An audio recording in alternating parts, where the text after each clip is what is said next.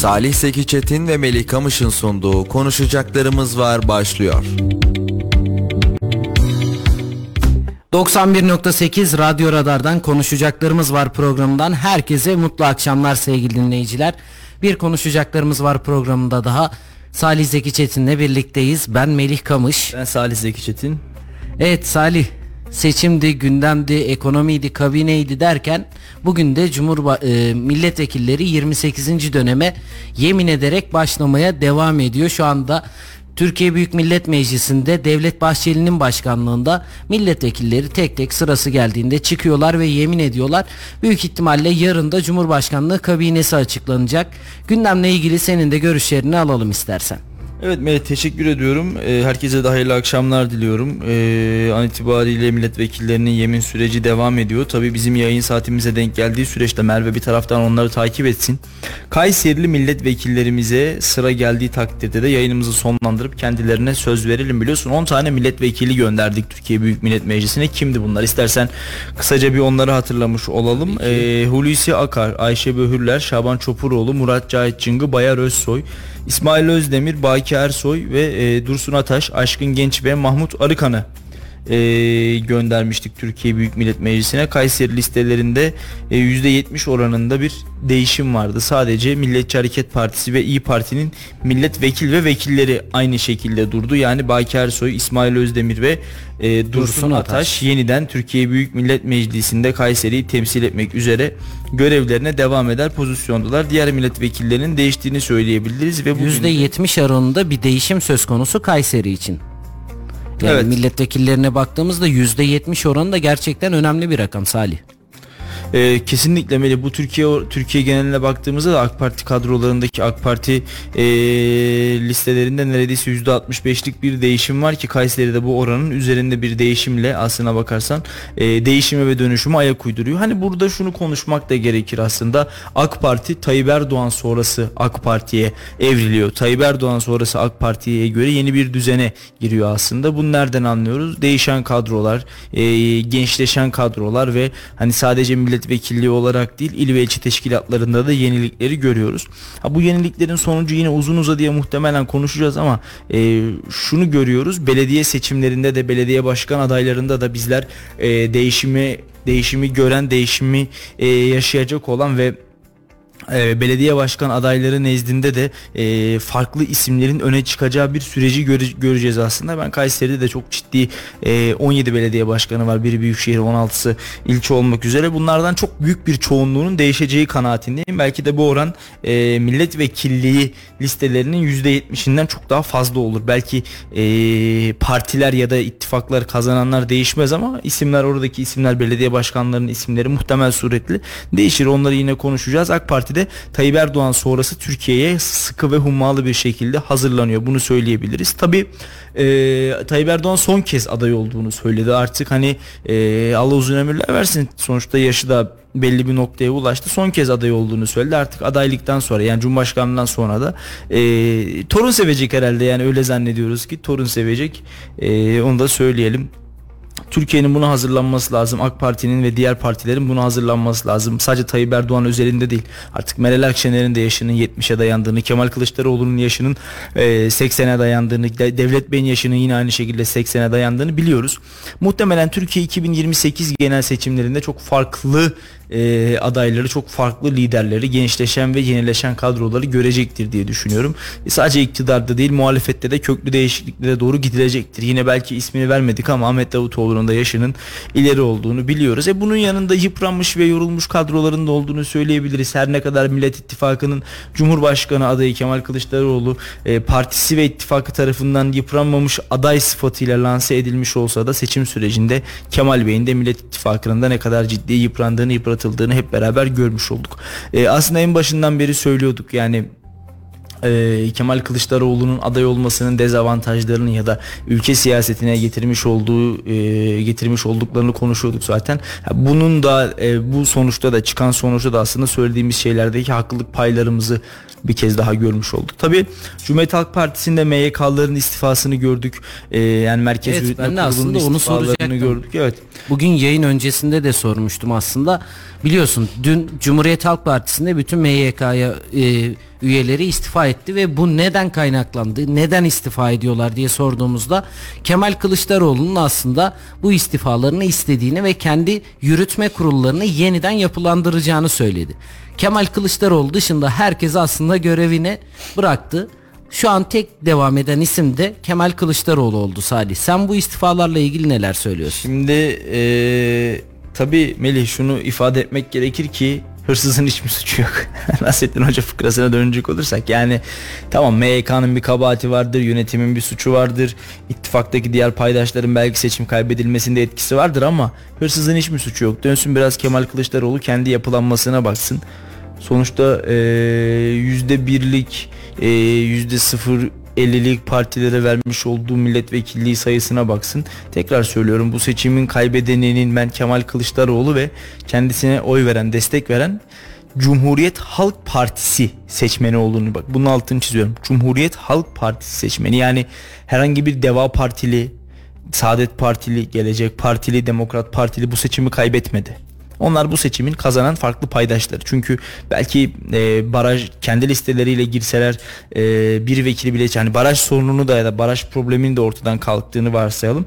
Kendi listeleriyle girmiş olsalar e, bir vekil bile çıkartamayacak, iki vekile bile erişemeyecek partiler bugün neredeyse grup kurma e, aşamasına geldi. Ben burada Cumhur İttifakı'nın tavrını ve oradaki partilerin kendi listeleriyle girmiş olmalarını her zaman doğru bulduğumu söylemiştim zaten. Bak Büyük Birlik Partisi hiç vekil çıkartamadı. İşte e, Yeniden Refah Partisi 5 vekil çıkarttı. E, Milliyetçi Hareket Partisi 50 küsür vekil çıkarttı. Ama kendi listeleriyle bu seçime girdiler ve kendi listeleriyle var oldular. Ee, ben halk nezdinde de e, genel başkanlar nezdinde de bu işin çok daha kıymetli olduğunu düşünüyorum. Cumhuriyet Halk Partisi burada yaptığı hata şuydu Melih. Ben şimdi benim bir üzüm bahçem olsa oradan e, burada çalışan arkadaşlara ya da dışarıdaki insanlara üzüm bağışlayabilirim, üzüm verebilirim. Ne bileyim üzümün suyunu sıkıp onlara birer bardak üzüm suyu ikram edebilirim. Üzümü kurutup kuru üzüm dağıtabilirim ama Kemal Bey burada e, babasının bağından ya da kendi bağından üzüm bağışlar gibi size şu kadar vekillik verdim. Hadi grup kuramazsanız ben size grubu da kurdururum. Size bakanlık verdim. Hadi alın size de Cumhurbaşkanı yardımcılığı verdim gibi. İstersen e, şeyi de hatırlayalım. Söylemlerle. Cumhuriyet Halk Partisi çatısı altından meclise giren Millet İttifakı'nın ortakları vardı. Diğer ortakları. Evet. Deva Partisi'nden 13 milletvekili Cumhuriyet Halk Partisi listelerinden meclise girdi. Gelecek ve Saadet Partisi'nden de onar olmak üzere toplam 33 vekil şu an Cumhuriyet Partisi listelerinden seçime girdiler, kazandılar ve meclise girdiler. Ve geçtiğimiz haftada biliyorsun parti sözcüsü de bir açıklama yapmıştı Bülent Bey. Artık ittifakımız bitti ve isteyen misafirlerimiz de kendi partilerine geri dönebilirler şeklinde açıklama vardı. Deva Partisi, Gelecek Partisi ve Saadet Partisi olmak üzere toplam 33 milletvekili Millet İttifakı'nın milletvekili olarak şu an kürsüde yeminlerini ediyorlar. Şimdi Melih zaten e, bunun yani oradaki insanların geri dönüşünün ne kadar hızlı olduğunu anlamak için e, bugüne bakmaya çok da gerek yok aslında. Yani e, Ahmet Davutoğlu'nun Ahmet Davutoğlu'nun yapmış olduğu paylaşımı sen de mutlak suretle hatırlayacaksındır diye düşünüyorum. İşte milletvekili seçilen grubumuzla ilk toplantımızı gerçekleştirdik gibi bir ifade kullanmıştı ve bizler o dönemde de bu ifadenin ne kadar yanlış olduğunu aslına bakarsan dile getirmeye gayret göstermiştik. Ha bir kesim bir kısım kesim anladı, bir kısım kesim belki hiç anlamadı ama e, zaten o dönemde Ahmet Davutoğlu'nun da Ali Babacan'ın da diğer partilerin de ortaya koymuş olduğu tavır ve tablo şuydu ki e, evet bir seçime girildi, ittifak olarak bir seçime girildi ve artık seçim sona erdi. E, bu ittifak devam etmeyecek ya da bu ittifak sadece sadece bir seçim ittifakı olarak kalmaya devam edecek. E, Cumhuriyet Halk Partisi başının çaresine baksın dendi bence. Ben Kemal Kılıçdaroğlu'nun yerine olsam şunu net ve açık bir şekilde e, Meli ortaya koymak gerekirse e, gönül rahatlığıyla gönül rahatlığıyla şunu söyleyebilirim. Bak bunu gerçekten içimden gelerek söylüyorum. Diğer partilerin özellikle ikinci turda Sayın Kılıçdaroğlu'na ve e, Cumhuriyet Halk Partisi'ne destek vermediğini gönül rahatlığıyla söyleyebilirim. Yani e, Gelecek Partisi ikinci tur için ne yaptı veya Deva Partisi milletvekilliği listeleri belli olduktan sonra ne yaptı? Burada gerçekten işte az önce ifade ettiğim gibi Kemal Kılıçdaroğlu'nun adeta babasının e, üzüm bağından, üzüm bahçesinden bir üzüm bağışlıyormuşçasına davranmış olduğu hareketlerin aslında sonucuydu bu. E, ne yaptı? Size dedi bakanlık vereceğim. Size dedi e, Cumhurbaşkanı yardımcılığı vereceğim. Size şu kadar vekillik vereceğim. Hadi grubu kuramazsak ya biz onu da kurdururuz merak etmeyin dendi. Ve şu anda Cumhuriyet Halk Partisi parlamentoda uzun bir süre sonra en düşük sayıda milletvekiliyle temsil edilir vaziyete geldi. Ve bunun yanında bunun yanında 28 yıl sonraydı yanılmıyorsam ilk defa Cumhuriyet Halk Partisi Genel Başkanı milletvekili olamadı. Hani iktidar zaten olamıyorlardı ama ilk 28 yıl sonra ilk defa bir Cumhuriyet Halk Partisi'nin genel başkanı e, milletvekili olamadı. CHP'nin grubunun başında genel başkanı olmayacak. Sadece Cumhuriyet Halk Partisi'nin de değil. İyi Parti için de böyle. Saadet Partisi için de böyle. Deva Partisi için, Gelecek Partisi için de aynı kurallar geçerli. Çünkü sen de biliyorsun altılı masanın oturumundaki e, dağılımda en önemli kriter şuydu. Oradaki genel başkanlar Cumhurbaşkanı yardımcısı olacaklardı.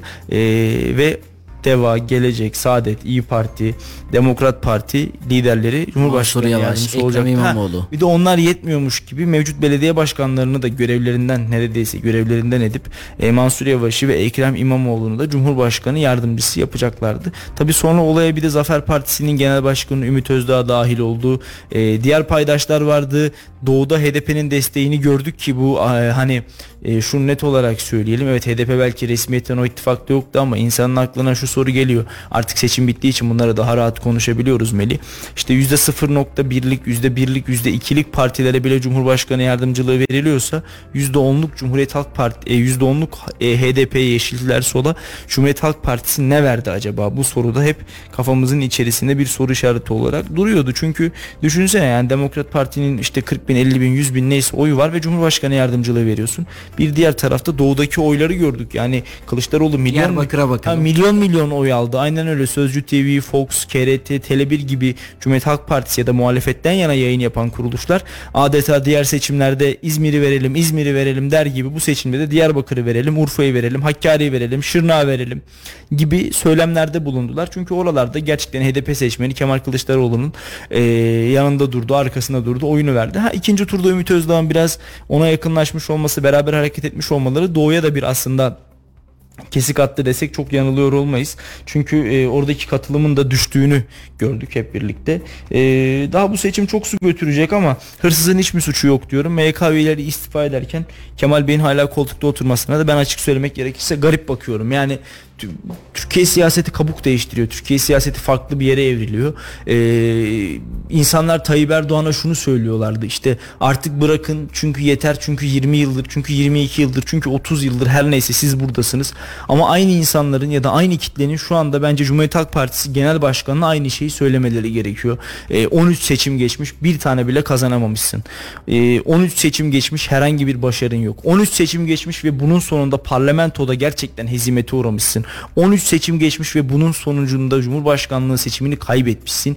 E, gün gelmiş devran dönmüş. Yani bugün Kemal Bey %47 oy falan almadı. Bu eğri oturan doğru konuşalım. Bu Türkiye'nin bir gerçeği. İki adaylı bir seçime girdik. Hepsi buydu. Yani bugün Kemal Bey'in yerinde ben de olsam zaten Tayyip Bey'e karşı duran ya da Tayyip Erdoğan artık değişsin diyen bir kitle bir kesim vardı. E, bunun yanında Cumhuriyet Halk Partisi'nin kendi oyları vardı. Deva'nın oyları vardı. Geleceğin oyları vardı. Saadet'in oyları vardı. İyi Parti'nin oyları vardı. HDP'nin oyları vardı. Demokrat Parti'nin oyları vardı. Her birinin Zafer Partisi'nin oyu vardı. Her birinin oyu vardı. Zaten bugün Kemal Kılıçdaroğlu'nun yerine farazi konuşuyorum. Ben de Cumhurbaşkanı adayı olmuş olsaydım yine Kemal Bey'in aldığı oydan çok aşağıda bir şey almazdım yani. Çünkü iki adaylı bir seçimdi. Bugün Cumhuriyet Halk Partisi ya da Millet İttifakı şunu konuşmalı. Bizler %47 oy aldık diye hala övünüyorlar. Hala Kemal Kılıçdaroğlu ben 24 milyon 25 milyon oy aldım. Bu kadar insan benim Cumhurbaşkanı olmamı istiyor gibi bir algı içerisinde öyle zannediyorum ama e, bu algının çok yanlış olduğunu, bu algının yersiz olduğunu ben bir kez daha kendisine bu aracı, e, radyolar aracılığıyla hatırlatmak istiyorum. Yani bu oyun birçoğu kendisinin oyu ya da kendisinin cumhurbaşkanı olmasını isteyenlerin oyu değil. Bu oyun büyük bir kısmı e, iki adaylı bir seçimde Tayyip Bey'in artık cumhurbaşkanı olmasını istemeyenlerin oyuydu ya da artık AK Parti'nin e, ülke iktidarından gitsin farklı biri gelsincilerin oyuydu. Yani bunu da söylemek lazım. Ee, ama tabii yine diyorum ya bu seçimin bu seçimin kaybedildiğini kabul eden ya da bu seçimi kaybettik diyebilen herhangi bir siyasiye rastlamadım. Hala e, Kemal Bey de Cumhuriyet Halk Partisi'nin diğer paydaşları da e, bu seçimin kaybedilmediğini söylüyor. Hatta geçtiğimiz günlerde geçtiğimiz günlerde Demokrat Parti Genel Başkanı e, Gültekin Uysal çıktı bir bir açıklama yaptı. İşte bu seçimi kazandığı gibi gözükenler aslında kaybettiler. Kaybettiği gibi gözüken Kemal Kılıçdaroğlu aslında bu seçimi kazanmıştır dedi. Ee, kendi akıllarında ve fikirlerindeki e, seçim kazanma arzusu ya da seçim kazanma e, teorisi nasıl bir şey bunu ben bilmiyorum anlamadım ama e, seçim kazanmak dediğimiz şey Biz bu- olayı çok yanlış anladık o zaman. Yani herkes öyle söylüyorsa baktığımızda yani kazanmak ve kaybetmek iki faktörlü. Kazanınca ne oluyor? Cumhurbaşkanı oluyorsun değil mi? Misal yani yanlış hatırlamıyorsak öyle. Aynen Ama öyle. Kemal Kılıçdaroğlu da o gün mesela kameralar karşısına çıktı ve dedi ki evet biz mücadeleye devam edeceğiz. Ardından gelen açıklamalara bakıyoruz. Biz seçimi aslında kaybetmedik. Aslında kaybetmediyseniz neden Cumhurbaşkanı seçilemediniz? İşte yani sonrasında gelen açıklamalar da çok manidar. İşte yürüyüşümüz devam edecek. Bizler bu seçimi kaybeden tarafı değiliz. Yani siz kaybetmediyseniz AK Parti kaybetmediyse kim kaybetti? Türk halkı mı? Vatandaş mı kaybetti? Eski hükümetler mi kaybetti? Tayyip Erdoğan mı kaybetti? Kim kaybetti kardeşim bu seçimi? Bu seçimin bariz bir şekilde kaybedeni Kemal Kılıçdaroğlu ve Cumhuriyet Halk Partisi'dir. Peki Salih tamam. İyi güzel hadi kaybedeni belli Kemal Kılıçdaroğlu. Evet. Söylemlerine baktığımızda çok da e, görev bırakacağını belli etmiyor kendisi. Yani senin tahminlerine göre Cumhuriyet Halk Partisi'nde Kemal Kılıçdaroğlu üzerinde süreç nasıl işleyecek? Sence istifa eder mi yoksa görevine yerel seçimlere kadar devam eder mi? Şimdi Kemal Bey'in herhangi bir istifası söz konusu değil. Bir kere bunu söyleyeyim. Cumhuriyet Halk Partisi'nin üst düzey yetkililerinden de birkaç kişiyle görüştüm. Ee, Kemal Kılıçdaroğlu'nun kesinlikle ama kesinlikle bir istifa söz konusu durumu değil. Şimdi Babala TV'ye çıkmış olduğu yayında orada bir kardeşimiz, genç bir kardeşimiz güzel bir şey sormuştu. İşte sizler demokrasiden dem vuruyorsunuz ama 2010 yılında girmiş olduğunuz e, genel başkanlık yarışında yalnızdınız. Tek başınıza girdiniz. Kemal Bey de şey dedi. Parti böyle uygun gördü dedi. Parti böyle istedi dedi. Delege bunu istedi. Delege bunu arzu etti benim tek başıma girmem için ben aday gösterildim dedi. Ee, şimdi insanlar bazı şeylere öyle bir inanmış ve inandırılmış ki gel zannediyorlar ki gerçekten öyle lobi diye bir şey yok. Halbuki e, Cumhuriyet Halk Partisi ve diğer partilerde de var bunlar ama tabii konumuz Kemal Kılıçdaroğlu ve Cumhuriyet Halk Partisi olduğu için bunun üzerinden gitmekte fayda görüyorum. Ee, Kemal Bey kendisinin parti içerisinde çok e, savunulduğunu, çok sevildiğini il başkanları tarafından, yöneticiler tarafından ve seçmen tarafından tam manasıyla bir e, lider olarak görüldüğünü filan zannediyor. Oysa e, bir örümcek ağı gibi etrafını saran insanlardan yırtınıp dışarıya bakabilirse işte o zaman acı gerçeklerle yüz yüze gelir diye düşünüyorum. Kemal Bey'in e, parti içerisinde kendisine destek veren ve verdiğini bildiğimiz yani bunun kamuoyunun bildiği işte e, Tuncelili bir kesim var, Alevi bir kesim var, e, Doğulu bir kesim var ama e, bu kesimin de gerçekten Cumhuriyet Halk Partisi'nin içerisinde hangi kadrolara geldiğini zaten kamuoyu biliyor. E, fakat biraz şöyle Kemal Bey kendi kafasını kumdan çıkartıp dışarıya doğru dışarıya doğru baktığında e, gerçeklerle e, yüzleşecektir ve karşı karşıya gelecektir diye düşünüyorum. Şimdi Kemal Kılıçdaroğlu cephesinde böyle bir de AK Parti cephesine baktığımızda aslında seçimlere girerken de en büyük seçmenin şikayeti ekonomiydi biliyorsun Salih. İşte ekonomi politikaları yüzünden aslında çok fazla da oy kaybedildiğini şahsi olarak düşünüyorum. Ama bununla ilgili çalışmalar gerçekleşiyor biliyorsun. Kabine açıklanacağı zaman ilk akla gelen isimlerden birisi uzun süredir de e, Mehmet Şimşek olmuştu. Mehmet Şimşek tekrar göreve gelir mi? Gelirse neler olur? İşte yine sadece Hazine ve Maliye Bakanı olarak gelir. Nurettin Nebati olarak devam mı eder? Şeklinde sorular da soruluyordu ama geçtiğimiz haftadan itibaren yani bu hafta sıklıkla Mehmet Şimşek ismi geçildi ve Mehmet Şimşek'in sadece Hazine ve Maliye Bakanlığı için ismi değil aynı zamanda da Cumhurbaşkanı yardımcılığı için ismi geçtiği öğrenildi. Tam yetkili Hazine ve Maliye Bakanı olarak nitelendiriliyor. Merkez Bankası'ndan tut da ekonomi alanındaki bütün atamalarını kendisi yaptı ve ekonomi anlamında yatırımcılara ciddi anlamda teşvik edici bir isim olarak da konuşuluyor Mehmet Şimşek. Ekonomi anlamındaki Mehmet Şimşek politikasını nasıl değerlendiriyorsun? Evet e, Mehmet Şimşek gerçekten ciddi manada ismi geçen ve e, duyulduğu zaman da ekonomi anlamında yatırımcıyı heyecanlandıran bir isim. Çünkü Mehmet Şimşek'in ismi ilk geçtiğinde aynı gün aynı dakika hatta e, bankaların Türkiye borsasında işlem gören bankaların %6 %7 kar oranları getirdiğini gördük. Yine bugün Bloomberg'in bir haberi vardı. Mehmet Şimşek ekonominin başına tam yetkili olarak geçecek diye. Dinleyen vatandaşlarımız şöyle bir Türk borsasının e, endekslerine bakarlarsa 5000'in üzerine çıktığını ve bankaların tekrardan e, Mehmet Şimşek ismiyle hareketlendiğini görebilirler. Yine e, Mehmet Şimşek'in ben de muhtemelen ekonomiden sorumlu e, Cumhurbaşkanı yardımcısı ya da Hazine ve Maliye Bakanı olabileceğini düşünüyorum ama Nurettin Nebati ile bu işin olmayacağı artık çok açık ve aşikar bir şekilde ortada.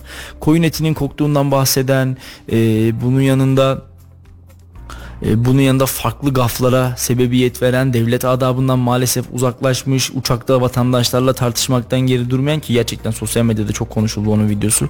E, belki sen de görmüşsündür. Bunun yanında gözlerindeki Programımızda da konuşmuştuk zaten. Evet bunun yanında gözlerindeki ışıltıdan bahseden Gelişi olaylı. e, kesinlikle gelişi kadar bence e, Mersin milletvekili adaylığı da olaylıydı ve hani artık seçim bittiği için ve AK Parti kazandığı için ya da Nurettin Bey e, milletvekili seçildiği için bu kadar rahat konuşuyorum. Artık benim e, söylemlerimle zarar verebileceğim ya da eleştirilerimle baltalayabileceğim bir seçim süreci olmadığı için artık en doğal hakkım olan eleştiri sürecini kullanıyorum. E, seçim öncesinde kendisine çok fazla böyle şeyler söylemedik çünkü malum bir seçim vardı ve AK Parti seçmeninin de bu noktada e, takdiri kendilerine bırakmak istemiştim. E, ama şunu çok açık ve net bir şekilde söyleyebilirim. Nurettin Nebati'nin e, artık bu işi yürütemediği çok açık ve net bir şekilde ortada. Zaten doların geldiği seviyelerden de ya da Nurettin Nebati'nin e, yarın ekonomi bakanı ya da hazine ve maliye bakanı olarak açıklıyorum dediğindeki tabloyu hep birlikte görürüz yani yeniden ekonominin ne kadar kötü bir gidişat içerisinde olduğunu. Mehmet Şimşek'in e, isminin güven verdiğini şu aşamada görüyoruz ki Merkez Bankası Başkanı'nın da Mehmet Şimşek'le birlikte değişeceğini e, biliyoruz. O, o yönde duyumlar da aldık. Çünkü Şahap Kavcıoğlu'yla çalışmak istemiyor Mehmet Şimşek. E, çok bir zaman yok. Yarın açıklanacak. Bakalım bizim de burada bir paşamız var. Birinci sıradan milletvekili oldu ama Milli Savunma'da gerçekten Türkiye'yi çağ atlatan işler yaptı ve hani devam mı edecek yoksa tamam mı diyeceğiz Hulusi Akar'a onu da hep birlikte bekleyip göreceğiz. Aslında kabine ve Türkiye'nin ikinci yüzyılı için aslında önemli isimlerin yer alacağı bir döneme giriyoruz Salih. Yani bu isimler artık bizi yönetecek ve Türkiye'nin politikalarını, Türkiye'nin geleceğini, Türkiye'nin kaderini belirleyecek aslında.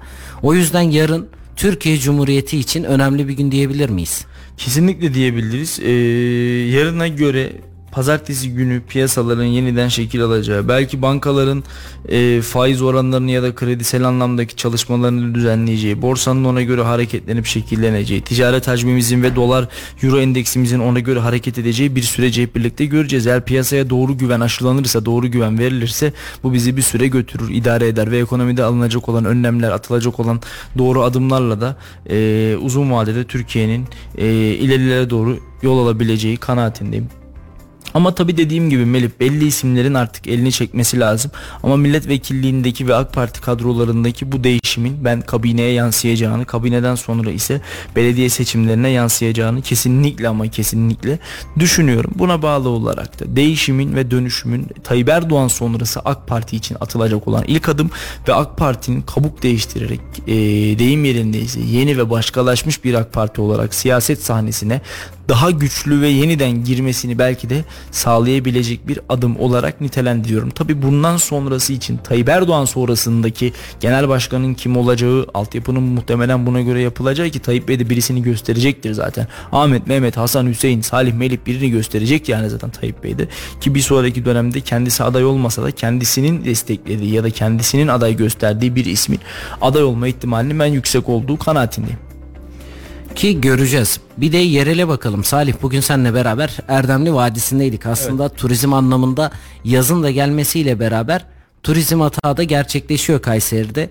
Gidiyoruz, geziyoruz, bakıyoruz nereler var, nereler yok ama bugün gittiğimiz Erdemli Vadisi özellikle Kayseri için gerçekten büyük bir hazine olarak nitelendiriyorum ben. Hem oradaki tarihin doğa ile beraber buluşması bulunmaz bir fırsat.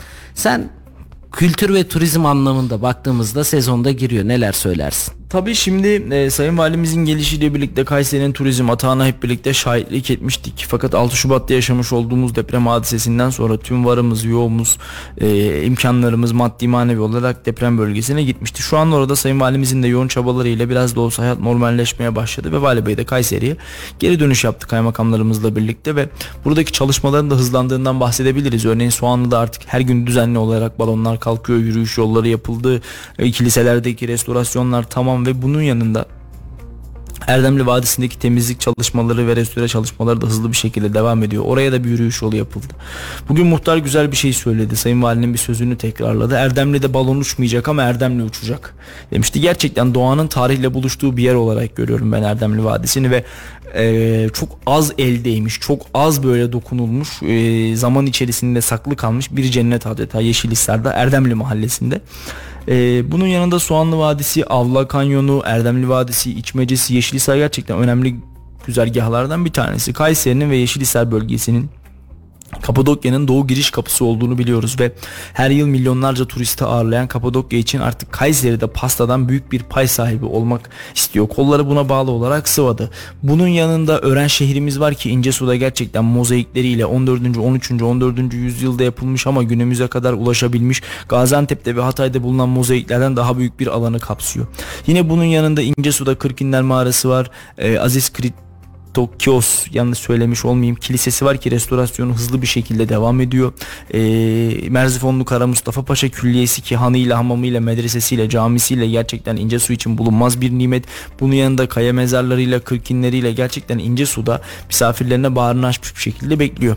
Hemen diğer tarafa doğru şöyle e, gittiğimizde ince e, Bünyan tarafına doğru gittiğimizde Bünyan'daki cam terasımızı biliyoruz. O da yeni yapıldı. Gerçekten geçtiğimiz günlerde oradaydık seninle, seninle birlikte. Bünyan yeşil Bünyan bünyan diye bildiğimiz bünyanı ayaklarımızın altına alıp izlememize vesile oluyor cam teras. Yine bunun yanında bünyandaki Pınarbaşı dediğimiz bir alan var ki orası bütün bünyanlar orada yüzme öğrenmiş öyle söylüyor büyükler. Ee, orada yine belediyenin yapmış olduğu tesiste gerçekten çok nezih bir ortamda yemeğinizi yiyip çayınızı içip ailenizle vakit geçirebiliyorsunuz. Tabi bunu, bunun yanında meşhur bünyan kıymalısını yiyebiliyorsunuz. Bünyan Ulu Cami var ki e, bozkurt motifleriyle e, bozkurt başı motifleriyle Anadolu'daki hatta dünyadaki tek örnek diyebiliriz. Türklerin yaptırmış olduğu camilerden bir tanesi. Yine e, Bünyan Şehitliği ve 15 Temmuz şehidimiz Cennetli Yiğit'in babasının yaptırmış olduğu ana evi Bünyan'da görülmesi gereken yerler arasında. E, Bünyan'dan biraz ileri doğru gittiğimizde Felahiye'nin ne, ne kadar güzel olduğunu biliyoruz ki oradaki gerçekten lahit mezar, Roma mezarı muhteşem. Belki Anadolu'da çok az örneğine rastlanır cinsten bir eser. E, biraz daha ileri gittiğimizdeki Akkışla'da yoğurduyla, Kestel Vadisi'yle, Gileburusuyla gerçekten muazzam güzellikler var. Hemen biraz geri doğru geldiğimizdeki UNESCO tarafından e, Dünya Miras listesine alınmış bir Koramaz Vadimiz var. Bir Mimar Sinan evimiz var. E, gerçekten bu sene turizm anlamında say say bitmeyecek. Elimizi nereye atsak oradan bereket fışkıracak topraklarda bizi müthiş bir yoğunluk bekliyor. Yine 4000 yıllık tarihiyle bir diğer tarafımızda Kültepe var ki oranın da müzesi hızlı bir şekilde defaatle yapılmaya Büyükşehir tarafından devam ediliyor. E, yani hacılara doğru çıktı baktığımızdaki Erciyes'imiz e, Develi'ye doğru indiğimizde e, Develi Lisemiz bunun yanında e, 150-200 yıllık ata tohumumuz Gacelimiz yine e, Hamidiye Medresemiz Havadan Külliyemiz Frak din yazıtlarımız nereyi saysak gerçekten Kayseri'de hangi taşı kaldırsak altından bir tarihin çıktığını hep birlikte görebiliyoruz. Yine bunun yanında şehir merkezinde gidebilmemiz için Kayseri Kalemiz, Kurşunlu Camimiz, arka tarafta Meryem Ana Kilisemiz, Kayseri Mahallemiz, oradaki eserler, e, bunun yanında Esnaf ve Sanatkarlar Müzemiz, Kayseri Kalesi'nin içinde bulunan e, Kayseri Müzemiz, yine Güpküpoğlu Konağı'ndaki etnografya müzemiz, Atatürk Evi. Hakikaten Kayseri şurada bile ne kadar zengin bir e, tarihe ve kültüre sahip olduğunu gözlerimizin önüne seriyor. E, turizm açısından heyecanlıyız. Turizm açısından istekli ve arzuluyuz. E, gidemeyenler için onları her seferine davet etmeye devam edeceğiz. E, gidemeyenlerin özlemini Gezici Radar programıyla dindireceğiz. Gelip de tekrar görmek isteyenlerin ise gönüllerindeki gözlerindeki pası silmek için de yeni bölümlerle onların karşısında olacağız ve gerçekten turizm için ben bu yaz oldukça heyecanlıyım. Ee, yine Soğanlı Vadisi'nde balon kalkışları devam ediyor ve Ali Dağ'da da yamaç paraşütü yine son hız yapılıyor. Yeşilhisar Keşlik'te de e, inşallah orası hazır hale geldikten sonra yine yamaç paraşütleri orada havalanacak diyelim. E, bu sene şunun da müjdesini verelim. Yamaç paraşütü dünya şampiyonası bildiğim kadarıyla Ali Dağ'da yapılacak ve gerçekten orada da müthiş bir heyecana sahne olacak. Aslında Sayın Valimizin gelmesiyle beraber önemli işler de gerçekleşiyor Kayseri genelinde ve bundan 3-5 yıl sonra baktığımızda gerçekten nitelikli ve nicelikli güzel işlemlerin olacağını görüyoruz. Evet. Peki Salih eksik gördüğün ya şu da olsa çok güzel olurdu dediğin neler var? Şimdi e, açık söylemek gerekirse Melih bunu uzun uzadıya düşünmek lazım. Çünkü Kayseri'de çok fazla yer çok fazla argüman var ama tabii en ki çok gezen bir insan olarak sana sormak Evet hakkımız. kafam, kafamda çok fazla yer var ve zaman zaman söylüyorum Ee, ama tabi Sayın Valimizin gerçekten bu konudaki emeği yatsınamaz çok büyük destekleri var Kayseri turizmine. Hele bir tam hazırlıklar bitsin de ondan sonra bunu konuşsak çok daha net olur diye düşünüyorum. Hani şimdi e, bizim konuştuğumuz bir yerin zaten yapılıyor olma süreci ve olanağı çok yüksek çünkü birçok yere el atıldı birçok yerde hareket başladı. Hele şu turizm işi e, kolların sıvama işi bitsin turistler gelmeye başlasın da eksikleri de ondan sonra söyleyelim Melih. Tabii ki yani inşallah biz de isteriz biliyorsun Erciyes gibi önemli bir değerimiz var şehirde sadece Erciyes'te de kalmıyor. Hangi ilçesine giderseniz gidin farklı birbirinden güzel cevherler de burada yatıyor. O yüzden hepimizin gönlünden geçen de biliyorsun bürokratlarla da görüştüğümüzde muhtarlarla da görüştüğümüzde halka da indiğimizde kim olursa olsun turizm anlamında artık güzel şeylerin olmasını bekliyor ve bence Vali Gökmen Çiçek de bununla ilgili Kayseri'nin en büyük şanslarından bir tanesi. Kesinlikle. Geldiğinde zaten turizm anlamında yaptığı çalışmaları hep beraber gördük ve bu çalışmaların ne kadar etki edebildiğini de görmüş olduk. Yapanların bu şehir için bir taş bile koyan kim varsa Allah hepsinden razı olsun. Emeklerine sağlık. İnşallah bu şekilde de devam eder. Başında siyasetle başladık ama bu siyasiler için de aynı şekilde geçerli. %70 oranında bir değişim var dedik. Artık Kayseri hak ettiği değeri alabileceği ve gerçekten nicelikli ve nitelikli projelerinde geçeceği bir dönem bekliyoruz bizler de siyasilerden. İnşallah. Varsa son sözlerini alalım. Yavaş yavaş da programımızın sonuna gelelim Evet, istersen. teşekkür ediyorum Melih. Haftanın son yayınıydı. Belki bu hafta biraz e, programların yoğunluğundan dolayı çok fazla da burada olamadık ama önümüzdeki hafta yeniden e, radyolarda ve mikrofonların başında olacağız. E, bizden ayrılmayın diyelim. Evet ağzına sağlık. Sevgili dinleyiciler 91.8 Radyo Radar'da Konuşacaklarımız var programında Salih Zeki Çetin'le birlikte sizlere günü gündemi hem Kayseri'yi hem de Türkiye siyasetini aktarma, aktarmaya çalıştık. Bizi dinlediğiniz için, bize vakit ayırdığınız için hepinize ayrı ayrı teşekkür ediyoruz. Haftaya yeniden saat 17'de radyolarınızda olmak dileğiyle hoş kalın, hoşça kalın efendim. Salih Seki Çetin ve Melih Kamış'ın sunduğu konuşacaklarımız var sona erdi.